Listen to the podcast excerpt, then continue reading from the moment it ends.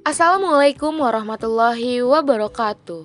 Hai sobat rusuh, apa kabar kalian? Saya harap kalian baik-baik saja ya.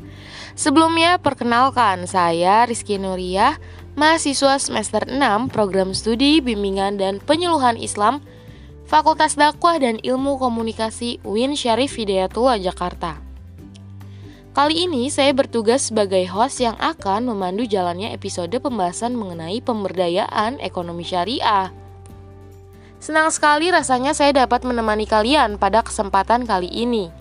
Dan perlu kalian ketahui, podcast episode perdana ini berjudul Sinergitas Program Pemberdayaan Masyarakat dengan Pertumbuh Kembangan Ekonomi Syariah di Indonesia. Sebelumnya saya mewakili tim Ruang Suluh mengucapkan terima kasih kepada Pak Azhar karena sudah bersedia menjadi narasumber kami kali ini. Baik, di sini saya akan bacakan CV beliau terlebih dahulu. Nama lengkap Azhar Hafiz Rangkuti SEI ME, tempat tanggal lahir Jakarta 21 Januari 1991. Adapun domisili di Yogyakarta, Riwayat pendidikan SDN 01 Batu Ampar, Jakarta Timur, Pondok Modern Darussalam Gontor, Universitas Islam Indonesia, dan UIN Sunan Kalijaga, Yogyakarta. Adapun riwayat organisasi, beliau pernah menjadi lembaga eksekutif mahasiswa FIAI UII pada tahun 2012 sampai 2013 dan pernah menjadi Dewan Perwakilan Mahasiswa FIAI UII pada tahun 2013 sampai 2014. Adapun pekerjaan beliau saat ini adalah sebagai tenaga pengajar Sekolah Tinggi Ekonomi dan Bisnis Islam Al-Muhsin Yogyakarta atau STEBI Al-Muhsin. Moto hidup beliau adalah be like be, be a fresh maker. Adapun email ada di azharhafiz07@gmail.com. Untuk kalian yang ingin menghubungi mungkin bisa langsung email saja. Baik, karena saat ini pemateri sudah ada, mungkin saya ingin menanyakan kabarnya terlebih dahulu. Assalamualaikum, bagaimana kabarnya nih Pak Azhar? Terima kasih Rizky dan Alhamdulillah untuk saat ini saya masih diberikan kesehatan. Alhamdulillah kalau begitu mungkin langsung masuk ke pembahasan kita ya Pak. Berbicara mengenai pemberdayaan ekonomi syariah sekarang ini yang saya tahu Indonesia yang termasuk negara dengan produk muslim terbesar di dunia itu sangat berpotensi untuk mengembangkan ekonomi syariah yang dapat menjadi instrumen penting nantinya dalam mendongkrak perekonomian nasional. Nah, sistem ekonomi syariah juga perlu menjadi roda penggerak ekonomi nasional yang inklusif serta berkelanjutan.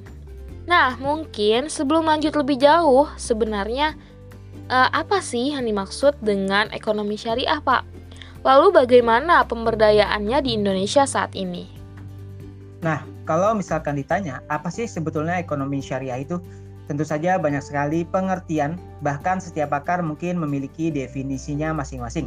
Walaupun memang antara satu definisi dengan definisi lainnya terkadang memiliki irisan. Nah, biar lebih mudah dipahami, mungkin saya akan menjelaskannya seperti ini. Jadi, ekonomi syariah itu adalah ilmu yang mempelajari segala kegiatan ekonomi sesuai dengan kaidah-kaidah Islam yang intinya tidak bertentangan dengan Al-Quran dan juga Sunnah. Lalu, bagaimana pemberdayaan ekonomi syariah di Indonesia? Kalau menurut saya, dengan mergernya tiga bank syariah, yaitu BNI, BRI, dan juga Mandiri Syariah, menjadi Bank Syariah Indonesia, mudah-mudahan bisa lebih mendongkrak perkembangan ekonomi syariah, baik itu di Indonesia, Asia, bahkan dunia. Karena bisa dibilang, bank syariah adalah salah satu motor penggerak daripada ekonomi syariah itu sendiri. Nah, dengan adanya motor-motor penggerak ekonomi syariah itu sendiri dan dengan melihat penduduk Indonesia yang mayoritas adalah penganut agama Islam, sebenarnya bagaimana eksistensi ekonomi syariah itu sendiri di Indonesia saat ini, Pak? Kalau dilihat ke belakang, bisa dibilang perkembangan ekonomi syariah di Indonesia itu terus naik dari tahun ke tahun dimulai dari berdirinya Bank Muamalah di tahun 91, lalu mulai beroperasi di tahun 92. Dan hingga saat ini sudah banyak sekali bank umum syariah dan juga unit usaha syariah yang beroperasi di Indonesia. Tapi mungkin yang jadi permasalahan saat ini adalah masih banyaknya masyarakat yang mungkin belum tahu tentang bank syariah atau ekonomi syariah itu sendiri. Mereka masih beranggapan jika itu sama dengan konvensional. Oleh sebab itu, alangkah baiknya jika pemerintah menggalakkan penyuluhan seminar atau juga webinar agar pengetahuan masyarakat tentang ekonomi syariah bisa berkembang. Walaupun memang saat ini negeri kita masih dilanda pandemi, jadi yang bisa kita lakukan hanyalah berdoa agar pandemi cepat berlalu dan perekonomian di Indonesia kembali membaik agar sektor-sektor lainnya ikut membaik pula. Baik, saya rasa para pendengar Ruang Suluh juga menginginkan segalanya membaik. Namun dengan pengetahuan masyarakat yang minim tadi mengenai ekonomi syariah saat ini, tentu akan menjadi tanggung jawab kita bersama untuk menyebarluaskan informasi kepada masyarakat. Nah, lalu bagaimana sebenarnya penerapan program-program ekonomi syariah saat ini, Pak? Apakah sudah tepat atau bagaimana? Kalau terkait program sebelum pandemi mungkin saya bisa bilang sudah cukup lumayan lah. Tapi kalau kita bicara tentang program yang baru saja berjalan, kita belum bisa menilainya yaitu terkait dengan penggabungan tiga bank syariah. Dan itu saja masih dalam proses penyesuaian. Jadi kita belum tahu bagaimana hasil ke depannya. Tentu saja kita berharap hasil yang baik dan juga memuaskan. Selanjutnya, Indonesia juga sempat ingin mengembangkan konsep pariwisata ramah muslim. Tapi karena adanya pandemi jadi tertunda. Padahal kalau menurut saya program tersebut sangat bagus sekali karena tujuannya bukan hanya wisatawan dalam negeri tapi juga wisatawan luar negeri. Dan lagi-lagi hal tersebut berbenturan dengan pandemi. Jadi ya hanya waktu saja yang bisa menjawab apakah nantinya program-program tersebut bisa berhasil atau tidak. Tentu saja kita hanya bisa berdoa agar mendapatkan hasil yang sangat baik. Amin, semoga saja ya Pak. E, sepertinya kita sudah cukup jauh nih Pak membicarakan mengenai ekonomi syariah itu sendiri. Tetapi mungkin ada di antara pendengar ruang suluh masih penasaran sebenarnya apa sih yang menjadi pembeda antara ekonomi syariah dengan ekonomi konvensional? Perbedaan sebetulnya ada lumayan banyak ya. Di antaranya pertama mungkin dari tujuan ya.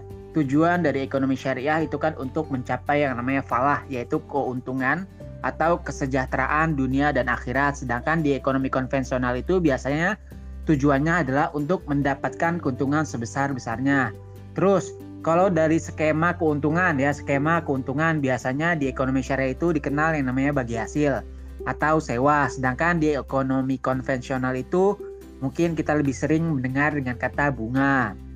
Selanjutnya, transaksi dari segi transaksi itu harus sesuai dengan apa yang ada di Al-Qur'an dan juga hadis atau Al-Quran dan juga Sunnah. Sedangkan di ekonomi konvensional itu tidak mengenal yang namanya batasan. Jadi uh, tidak masalah jika melanggar atau keluar sedikit daripada norma-norma yang diajarkan oleh Islam.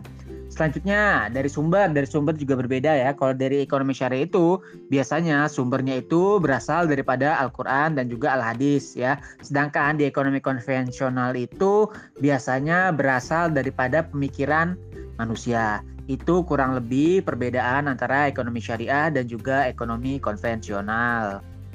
Menyambung dari penjelasan Bapak tadi bahwasanya ekonomi syariah ini kan bersumber dari Al-Qur'an dan hadis. Para pendengar ruang suluh alias sobat rusuh pasti penasaran juga nih Pak akan ayat atau hadis yang menjelaskan atau mengatur mengenai ekonomi syariah tersebut. Mungkin boleh Bapak jelaskan agar para pendengar juga paham betul akan sumbernya. Ayat ataupun dalil yang berkaitan dengan ekonomi uh, syariah. Oke, uh, coba saya akan bacakan salah satu yang mungkin uh, sudah familiar di telinga teman-teman sekalian. Uh. Bismillahirrahmanirrahim. Wa ahallallahu bai'a wa harramar riba. Yang artinya dan Allah menghalalkan jual beli dan mengharamkan riba. Nah, di sinilah kenapa ekonomi syariah itu tidak menggunakan sistem bunga, di mana sistem bunga tersebut sama halnya dengan riba dan itu juga yang merupakan salah satu perbedaan antara ekonomi uh, syariah dengan juga ekonomi konvensional. Baik, eh, saya rasa dengan penjelasan dalil tersebut, para pendengar ruang suluh menjadi paham betul akan sumber dari ekonomi syariah itu sendiri. Terakhir nih Pak, apa sih yang sebenarnya bisa pendengar ruang suluh lakukan agar ikut serta berperan aktif memberdayakan ekonomi syariah? Sebenarnya sangat mudah bagi kita untuk ikut serta memberdayakan ekonomi syariah. Di awal kan sudah sedikit kita bahas jika ekonomi syariah itu berkaitan dengan kegiatan ekonomi yang tidak bertentangan dengan ajaran Islam. Oleh sebab itu, jika saat ini kita adalah seorang pedagang, maka jadilah pedagang yang jujur. Lalu jika ingin menabung, menabunglah di bank syariah. Dan jika saat ini kita hanya bisa berperan sebagai konsumen, maka konsumsilah barang-barang yang halal. Dengan cara itu saja, secara tidak langsung kita sudah ikut serta dalam pemberdayaan ekonomi syariah. Jadi semudah itulah bagi kita masyarakat untuk memberdayakan ekonomi syariah. Wah, masya Allah, ternyata mudah ya dari kita pribadi sendiri pun bisa untuk memberdayakan ekonomi syariah itu sendiri. Terakhir, mungkin silahkan untuk closing statementnya, Pak. Untuk closing statement, sepertinya gak usah muluk-muluk ya. Mari kita sama-sama berdoa agar pandemi cepat berlalu. Dengan demikian, pertumbuhan ekonomi juga akan mulai membaik, dan tentunya kita juga berharap dan berdoa agar perkembangan ekonomi syariah di Indonesia semakin meningkat. Ya, saya rasa itu saja sudah cukup, dan terima kasih. Terima kasih juga ya, Pak, karena sudah bersedia berbagi ilmu pada episode kali ini.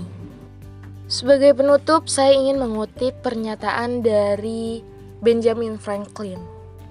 Ada tiga jenis orang di dunia ini. Orang-orang yang tak bisa digerakkan, orang yang tidak mengerti dan tidak mau mengerti, tidak akan melakukan apa pun untuk berubah. Lalu ada orang yang dapat digerakkan, orang-orang yang melihat kebutuhan akan perubahan dan siap mendengarkan perubahan.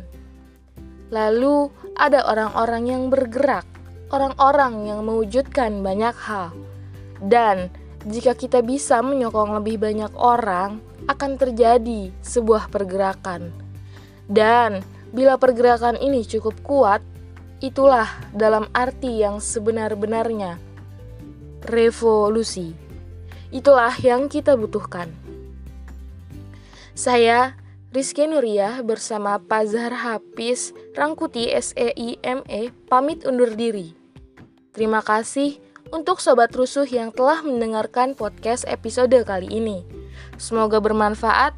Wassalamualaikum warahmatullahi wabarakatuh.